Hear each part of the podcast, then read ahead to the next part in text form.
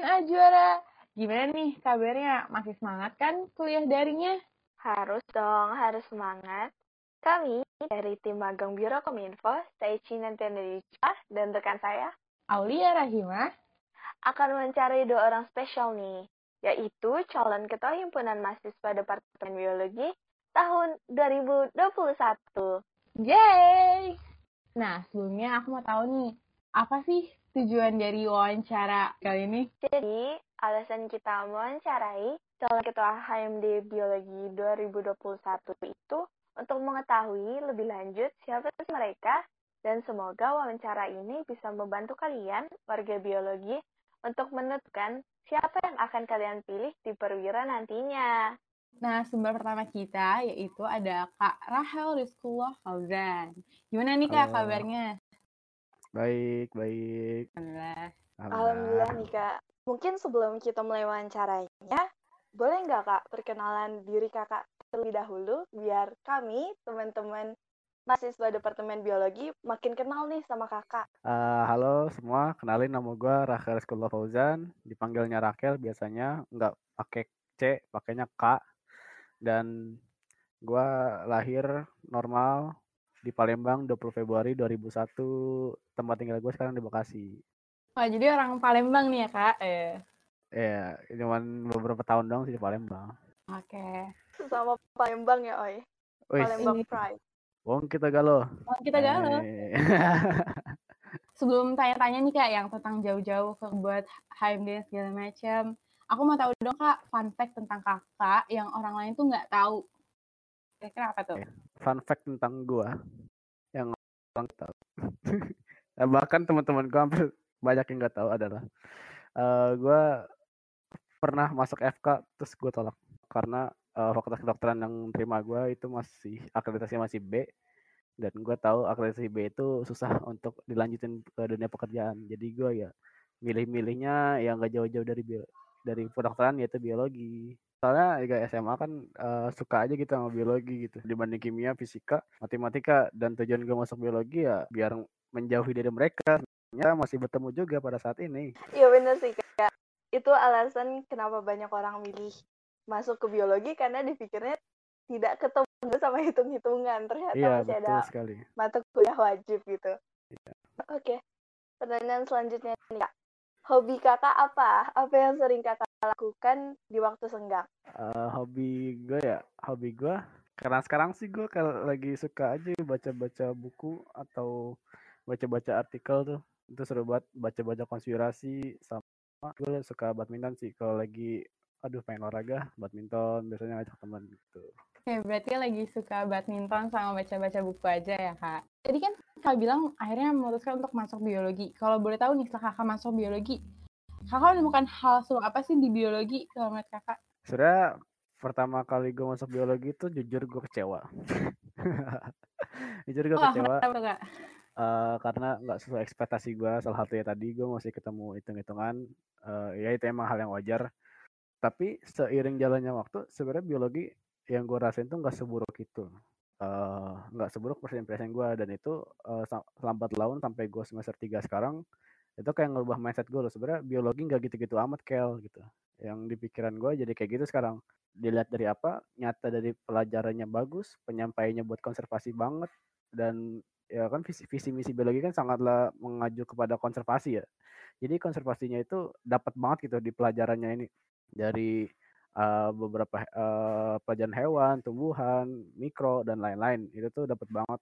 Dan yang paling penting di biologi ini kuat banget uh, namanya kekeluargaannya gitu. Jadi kalau misalnya uh, nyari teman yang mau kayak gimana ada. Dan itu tuh bikin suasana kita nyaman di biologi. Dan tadinya kita kecewa kita mau pindah gara-gara tidak sesuai harapan tapi itu berubah karena ada teman di sekitar kita gitu. Aku pengen nanya nih Kak. Kakak bilang kan kekeluargaan di biologi itu sangat kental. Apakah itu hanya satu angkatan, jadi teman-teman angkatan, atau juga perangkatan tuh masih kerasa dekat tanpa ada rasa senioritas ataupun hal-hal lainnya Kak? Um, jujur gue pertama kali pas uh, mahasiswa baru datang ke biologi gue kayak masih takut akan senioritas gitu kan dan ternyata enggak men kita PSIF kita didekatin sama angkatan kita yang MIPA. Nah, kalau di PDB kita didekatin satu angkatan kita itu ya angkatan kita angkatan biologi gitu. Nah, nanti setelah after PDB-nya itu baru tuh ada uh, dideketin lagi sama angkatan-angkatan atas melalui organisasi lah, melalui uh, kepanitiaan dan lain-lain. Jadi menurut gua ke biologi itu sebenarnya mencakup semuanya ya. Jadi nggak ada senioritas, nggak ada perbedaan antar angkatan. Itu tuh gua, udah gue alamin sekarang dan gue ya enjoy enjoy aja gitu ketika gue ketemu kakak, kakak tingkat atas kesapa aja karena uh, emang sedekat itu kekeluargaan di biologi gitu paham kan?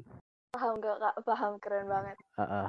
pertanyaan selanjutnya nih kak. Apa sih alasan kakak maju jadi calon ketua HMD biologi tahun 2021 ini jadi ninja saya uh, kayak pas pertama kali gue mahasiswa baru malah gue mikirnya gue mau ini fun fact aja ya. Gue pas baru masuk biologi gue mau ngelanjutin prestasi gue di tingkat olimpiade. Gue mau ambis mau apatis dan gue nggak mau ikut apa apa kecuali belajar. Tapi lambat laun kayak uh, dijadiin kepanitiaan sini gue di, ikut organisasi ini itu kayak gue mikir lagi oh kuliah itu lu nggak dapat apa-apa asalnya cuma belajar doang. Dan kata guru gue di SMA pun uh, pengalaman adalah guru yang paling hebat gitu. Nah jadi gue kayak gue harus cari pengalaman dulu di sini nih. 4 tahun lumayan kan ada pengalaman nah lambat laun ya udah gue ikut organisasi gue ikut kepanitiaan kepanitiaan dan nggak tahu kenapa ya tapi gue alhasil pas pemilihan kemarin pengajuan tuh dari angkatan gue gue dapat dukungan gitu dari teman-teman gue kan. Ayo kel maju aja gue dukung maju. Jadi kayak oh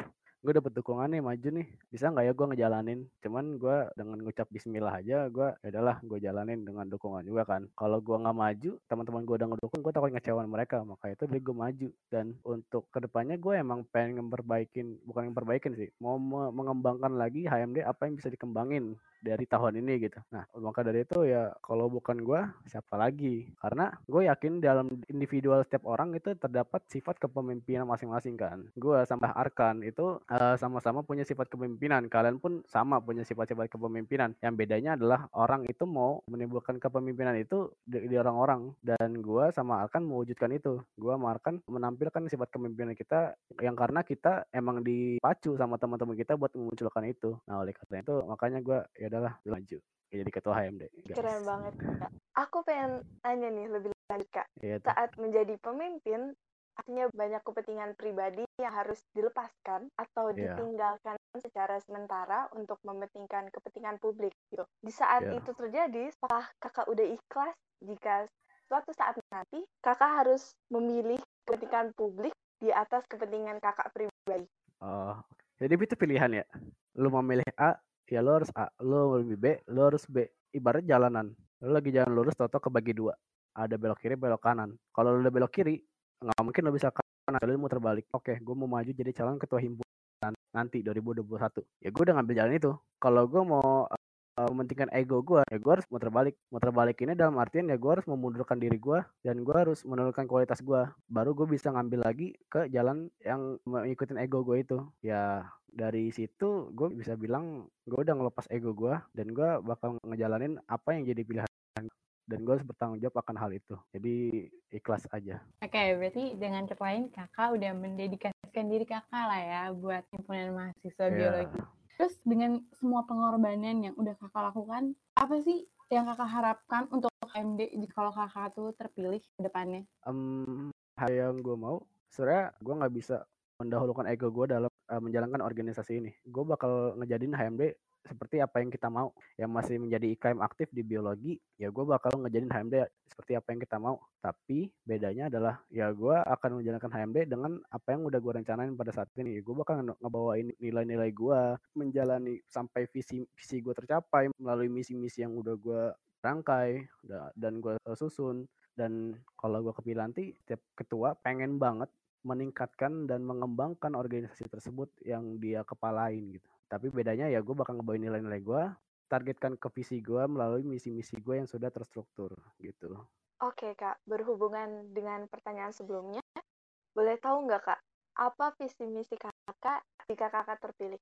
Ngomong visi misi uh, oke buat nanti kalau misalnya insya Allah gue terpilih menjadi calon gue bakal menargetkan HMD gue dengan misi visi gue yaitu meningkatkan rasa kekeluargaan dalam dan internal HMD Biologi untuk menciptakan budaya kooperatif dalam upaya menyejahterakan lingkungan biologi FIPA UI.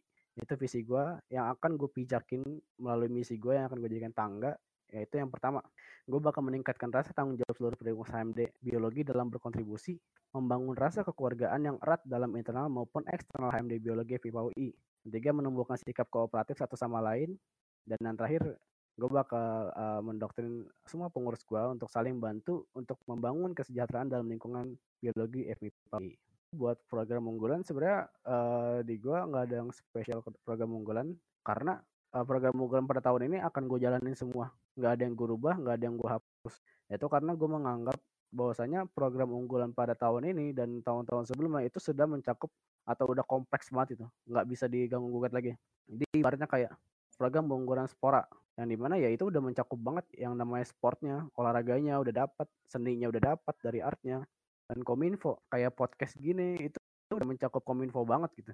Mengurus Instagram membuat caption broadcast itu tuh udah kominfo banget. Jadi nggak bisa gue ganggu tapi yang bisa gue rubah adalah gue bisa mengoptimalkan lebih lagi dengan cara bukan gue tapi kita. Yang akan menjalankan kita bisa untuk mengoptimalkan lebih lagi proker yang sudah ada ini gitu, tanpa menambahkan beban ataupun mengurangi beban dari proker yang udah ada itu wah keren banget sih itu tapi ini kak berhubungan sama pencalonan ketua nih kan ada empat bentuk kepemimpinan kan kak ada iya. directing, yeah. coaching, supporting, atau delegating. Kalau menurut kakak, kakak termasuk yang mana sih kak? Dari sifat gue sendiri ya, gue lebih ke pertama gue support, uh, gue bisa nge-support seluruh pengurus gue dengan ya dengan jiwa jiwa supporting gue yang udah tertanam dalam diri gue gitu. Dan yang kedua gue bisa coaching dengan segala pengalaman yang gue udah gue dapetin selama gue hidup 19 tahun ini dengan ikut volunteer, gue ikut organisasi mana sini, luar kampus, dalam kampus itu gue bisa mengajarkan ke teman-teman pengurus yang akan menjadi ibaratnya apa ya BPH BPH gue, PI gue ataupun mungkin staff gue bakal gue ajarin secara langsung gitu dari pengalaman yang udah gue dapetin gitu sih.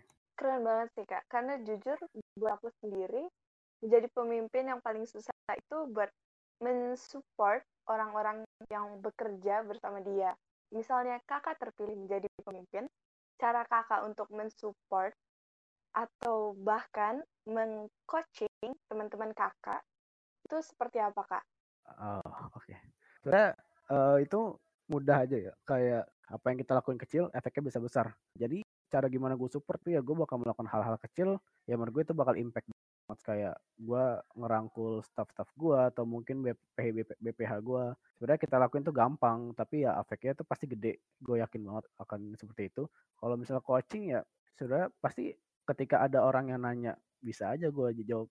Ya udah se sepengetahuan gue karena gue bakal ngarahin mereka yang bener-bener kalau misalnya ada yang lagi keluar jalur gue bakal ngarahin lagi ke yang ya uh, ala kuadratnya lah jadi ibaratnya kita bisa melakukan hal kecil untuk efek yang besar gitu ah keren banget kayak berarti kayak efek butterfly ya kalau namanya itu kalau di luar sana apa tuh yang itu kepakan kecil membawa efek yang besar gitu kalau saya. Oh, iya betul betul. Emang biologi banget dah. Mungkin ini pertanyaan terakhir untuk menutup wawancara kita kali ini. Ya. Yeah. Pengalaman kakak di biologi yang sangat berkesan. Oke, okay. pengalaman gue yang berkesan adalah ketika gue uh, menjadi project officer hibiscus. Itu tuh di kuliah pertama kali ikut kepanitiaan, nggak ikut apa-apa, tanpa tahu apa-apa, tahu-tahu gue jadi project officer di hibiscus ya gue nggak tahu gimana organisasi di biologi berjalan dan gue sebenarnya nggak tahu apa apa gue buta akan hal itu dan gue menjadi project officer ya yang di mana gue mau mengusahakan aja gitu. Pas jadi project officer ya sebisa mungkin gue lakuin apa yang gue bisa lakuin. Tapi itu seru banget dan jangan takut buat ngejalanin sesuatu. Tapi lu harus berani ngejalanin itu biar lu bisa dan lu uh, ngedapetin vibes dari ketakutan lo itu gitu. Jujur gue awal-awal pas jadi project officer hibiscus gue takut. Gue takut buat ngejalanin, gue takut buat apa yang mau gue bawain di hibiscus gitu. Dan gue takut di komenan-komenan orang-orang tentang hibiscus yang bakal gue bawain. Tapi ya gue ngejalanin aja sebisa gue gitu. Ya udah konsep aja, gue uh, ngejalanin alur yang ngejalanin aja gitu. Dan alhasil selesai gue jadi hibiscus, ya gue sekarang kayak, wah seru juga ternyata ya. Tahu-tahu ikut kepanitiaan jadi ketua lagi Wah itu seru sih. Maksudnya tantangan-tantangan yang udah laluin uh, gue sama teman-teman gue itu seru banget. Oke, jadi benar-benar belum tahu apa-apa terus jadi ketua hibiscus di tahun pertama kuliah. Wah, itu keren banget sih, Kak. Iya. Dan untuk penutup nih, Kak, sebagai akhir dari wawancara kita ini, Kakak boleh dong kasih satu kata dua kata buat biologi ini buat memilih kata. Oh, Oke. Okay. Jadi buat teman-teman DNA Juara untuk pembiara kali ini silahkan kalian melihat kembali calon-calon yang akan maju, gua maupun Arkan dan jangan lupa untuk memilih. Mungkin ada ada aja yang takut nanti kan kayak aduh gue bingung nih dua-duanya bikin gue bingung jadi gue nggak mau milih ah. Itu jangan kayak gitu. Pilih pilih aja toh kita sama-sama kok. Gue sama Arkan juga temen. Dan Arkan menang gue bakal jadi PI dia. Gue men gue menang Arkan jadi PI gue aja gue juga sama-sama brainstorming juga lah. Bedanya cuman gimana cara kita ngepalain HMD tersebut. Jadi ya jangan lupa pilih buat pembiara nanti. Jangan golput please. Thank you. Oke. Nah itu menutup wawancara kita kali ini dengan Karahel. Makasih banyak nih Kak udah mau jadi narasumber kita di podcast yeah. kali ini. Makasih Kak. Yeah, Oke. Okay. Nah, sekarang kita udah kedatangan nih narasumber kedua kita yang gak kalah spesial sama yang sebelumnya, yaitu Kak Arkan Akila Hidayat. Halo Kak Arkan. Halo. Uh, sebelum kita mulai nih Kak, uh, boleh nggak kenalan dulu nih Kak Arkan? Oke, okay. uh, halo semuanya. Nama gue Arkan Askarila, panggil aja Arkan, dari Biologi 2019. Um, kesibukan gue biasanya kalau di biologi uh, jadi staff HMD, uh, terus gue juga ikut BSO di Kanopi sama di Proteus juga. Udah sih, itu aja. Sibuk juga ya Kak artinya. Oke nih Kak, kita bakalan kasih pertanyaan-pertanyaan seru sebelumnya nih Kak. Oke. Okay. Yang pertama, boleh tahu nggak sih Kak, fun fact tentang kakak yang tidak diketahui oleh banyak orang? Fun fact yang nggak diketahui banyak orang. Gue tuh orangnya penakut coy. Gue takut serangga, takut gelap. Udah pokoknya gue penakut dah. Tunggu kak, tunggu. Kakak kan ikut BSO Kanopi ya kak? Artinya yeah. kan sering banget praktek di tengah-tengah hutan yang banyak serangganya. Sedangkan ah. kakak takut serangga itu gimana kak? Gini coy, kalau di Kanopi kan fokusnya tumbuhan nih. Kalau ada serangga yeah. ya cuma dilewatin doang gitu loh. Coba bayangin gue masuk komata, jadi ada serangga malah disuruh lihat kan nggak nggak skip. Sama gue takut gelap coy. Oke okay, kak. Jadi kakak udah satu tahun di biologi, yang jelas lebih berpengalaman dari kita anak maba nih kak. Kalau misalnya boleh diceritain hal-hal seru biologi, wah gila keren banget. Hal-hal seru. Yang pertama karena emang gue suka pelajaran biologinya, jadinya ya emang seru aja walaupun pusing tuh. Dua, gara-gara orang-orangnya sih, orang-orang itu seru banget di biologi. Dengan budaya kekeluargaannya juga. Kalau offline tuh, kita sama cutting pun kayak nongkrong-nongkrongan aja gitu biasa. Gitu sih gue mah yang buat gue seru dari biologi tuh. Jadi keseruan dan kekeluargaannya itu yang jadi identitasnya biologi banget gitu ya kak? Tentu. Yo coy. Kalau soal alasan kenapa sih kak Arkan tuh mau akhirnya menjadi calon ketua HMD biologi itu apa sih kak? Uh, pertama-tama gue pengen ngembangin diri sih. Kalau dari gue sendiri, gue pengen ngembangin diri pastinya. Karena ini juga pengalaman sekali seumur hidup gitu loh kan. Sayang aja kalau nggak dicoba. Yang kedua, gue emang pengen jadiin HMD lebih baik sih. Gue harap. Oke. Jadi dorong dorongan dari diri sendiri gitu kan? Mm. Oke kak, mungkin ini bakal jadi pertanyaan yang lebih lebih tri sih. Boleh tahu nggak sih kak apa yang kakak harapkan kakak bisa lakukan untuk HMD jika kakak terpilih intinya? Hmm, oke, okay. Hmm, gue harap tuh HMD eh, itu jadi wadah aspirasi, wadah pengembangan minat, juga pengembangan bakat yang bagus gitu, bisa mewadahi semuanya. Uh, gue juga berharap kalau misalnya gue kepilih, uh, gue berharap HMD gue tuh bakal jadi tempat yang nyaman buat seluruh orang bisa berkembang bareng gue gitu loh. Karena kan kalau misalnya kita ngejabat sebagai ketua ya, kita juga harus ngelihat di bawahnya gitu. Nggak mungkin kita berkembang sendirian kan. Jadi gue harap gue bisa bikin semuanya nyaman dan bisa berkembang bareng gue. Itu sih. Yang mempersiapkan segala kemungkinan gitu ya kak. Mm. Uh, mau tahu dong kak sebagai calon ketua ini kan pasti kakak punya visi misi itu apa tuh kak boleh dikasih tahu nggak? Oh boleh dong. Nah, jadi visi gue uh, HMD itu cipta HMD biologi yang progresif, responsif, komunikatif sebagai wadah uh, aspirasi, wadah pengembangan minat serta bakat mahasiswa biologi FMIPA UI. Itu untuk dapatkan visi tersebut, untuk meraih visi tersebut, gue punya empat misi kan. Uh, empat misi gue yang pertama uh, mengedepankan komunikasi yang baik dalam menciptakan lingkungan internal yang komunikatif, kolaboratif, dan profesional dengan asas kekeluargaan. Yang kedua, um, optimalisasi nih pelayanan HMD Bio, pelayanan HMD Biologi UI sehingga lebih cepat tanggap. Ketiga, mewadahi dan memfasilitasi minat dan bakat serta meningkatkan soft skill mahasiswa biologi FMIPA UI. Terus yang terakhir, gue ingin membangun hubungan yang baik dengan Departemen Biologi, dengan BSO, dan dengan lingkungan eksternal gitu sih. Oke kak, keren banget sih visi misinya. Nah berhubungan oh, iya. dengan visi misinya, boleh tahu kak program kerja apa yang akan kakak lakukan nantinya jika kakak terpilih untuk meraih visi dan sebenarnya kalau program kerja unggulan hmm, gue ada empat. Tapi kalau proker inovasi hmm, gue belum uh, yakin nih soalnya bentuknya masih gagasan. Karena gue belum belum survei lagi gue belum nanya-nanya lagi, gue belum riset lagi. Jadi bentuknya masih gagasan. Kalau untuk program unggulan, uh, gue bawa Biofest, DB, dibanding sama seminar alumni. Kalau untuk gagasan program inovasinya, gue berharap gue bisa bikin workshop desain sama informasi terpusat HMD biologi gitu dah di web. Nanti itu kita bakal punya web alumni coy. Sayang banget kalau nggak dimanfaatin gitu sih. Oke ya, uh. keren banget nih Oi, program kerjanya. Iya nih, benar-benar memanfaatkan yang ada gitu. Terus ini Kak, sebagai ketua kan ada beberapa bentuk kepemimpinan nih, kayak hmm. directing, coaching, supporting, dan delegating. Nah kalau menurut kakak nih, menurut kakak, kakak tuh yang mana sih kak masuknya? Um, gue itu sebenarnya uh, jadi ketua tuh nyuruh orang nggak enakan. Jadi gue lebih ke supporting kali ya. Uh, gue tuh lebih ke apa namanya hubungan personal. Hmm. Mungkin supporting dan delegating bareng-bareng gitu sih. Oke, berarti mensupport ya, ketua yang ah, mensupport uh, iya. timnya. Oke. Masih berhubungan dengan pertanyaan sebelumnya, kakak juga udah jawab nih dari pertanyaan sebelumnya, kakak tidak bermasalah untuk support orang-orang di sekitar kakak untuk mencapai kesuksesan. Jadi menurut aku itu cocok banget dengan bentuk kepemimpinan kakak. Selain itu, boleh tahu nggak kak, saat Apa kita sebagai pensupport itu jelas harus dalam keadaan yang stabil. Karena akan susah jika kita mensupport orang lain saat kita tidak bisa mensupport diri kita sendiri kan. Betul kak? banget, iya betul banget. Iya, jadi kalau misalnya uh, mungkin sebagai kita manusia ada waktu bener-bener terendah dan ada saat waktu kita naik.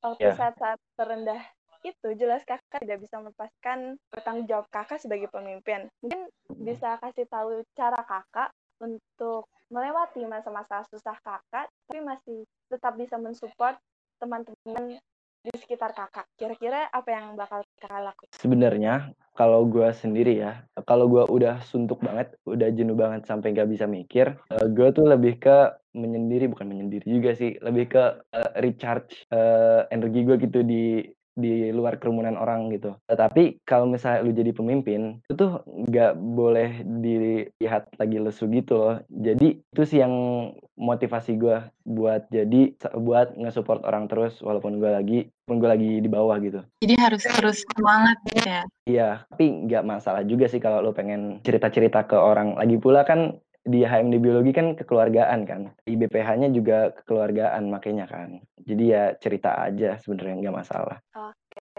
Selanjutnya nih Kak, Kakak sebagai seorang pemimpin itu ada nggak sih Kak orang-orang yang menurut Kakak, ih keren banget, gue mau jadi kayak dia, yang menyebabkan kakak tidak ragu lagi untuk mencoba dan menyelamatkan diri sebagai pemimpin?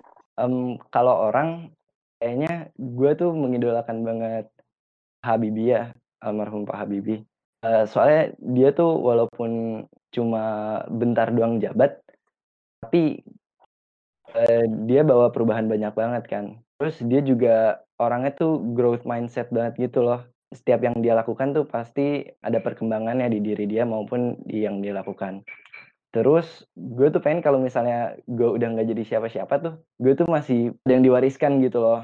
Gak cuma nama gue doang. Keren keren. Berarti memberi manfaat yang berkela yang berkelanjutan gitu. Iya, pengen ya gitu. Uh. Okay. Tapi ya, gak kerasa banget ya kita udah ada di pertanyaan terakhir nih kayak ampun. Oh my god. Jadi ini ada satu pertanyaan terakhir nih kak sebelum menutup perbincangan kita. Aku pengen tahu dong kak pengalaman kakak di biologi yang sangat berkesan banget itu buat Kak Arkan tuh ada nggak? Wow, apa ya? Yang paling berkesan. Pelikan tuh lumayan berkesan sih. Atau pelikan kan? Nggak tahu kak. Ininya OMPT Kanopi. Nah itu kan Iya. ke Halimun tuh itu berkesan sih lumayan. Oh ke Halimun, oh trekking ke Halimun tuh kak? Ah iya, jadi kita pelantikannya di sana gitu loh. Makanya asik sih asik. Sama mungkin kalau pas kita maba yang paling berkesan tuh menurut gua Kapang sih waktu lagi PDB. Kapang tuh singkatannya apa ya? Apresiasi angkatan gitu deh pokoknya. Waktu itu kita bikin eh, drama musikal gitu kalau nggak salah. Ih seru Seru. banget. Berkesan berkesan itu. Wah seru banget. Artinya pengalaman-pengalaman yang berkesan buat kakak itu bukan karena tempatnya atau kegiatannya ya kak, tapi lebih ke Iya. orang-orang yang ada dalam Iya. Betul, betul banget. Kekeluargaannya dapet ya kak di situ kerasa gitu. Iya di dua-duanya dapat banget coy. Oke kak, makasih sebelumnya nih kak udah mau meluangkan waktu untuk kami wawancarai. Sebelum Ya. menutup, boleh nggak kak eh, bisa mempromosikan diri kakak terlebih dahulu? Oke, eh, halo semuanya. Kenalin lagi nama gua Arkan Askarila, calon ketua HMD Biologi FMIPA UI nomor urut 2. Jangan lupa pilih gua, karena itu jangan lupa pilih gua aja deh. Eh, Jangan lupa pilih nomor dua ya Oke, guys. dari wawancaranya kita jadi bisa mengenal lebih dalam dan lebih tahu tentang kakak. Makasih ya kak. Makasih Kak Arkan. Jadi sekian podcast kita kali ini. Semoga kalian yang mendengarkan, terutama mahasiswa Departemen Biologi, makin tahu nih siapa yang akan kalian pilih di Permira nanti. Mohon maaf jika ada kesalahan kata dan kesalahan-kesalahan lainnya. Kami dari tim magang Biro Kominfo pamit undur diri ya. Sampai, Sampai jumpa. jumpa. Sampai jumpa.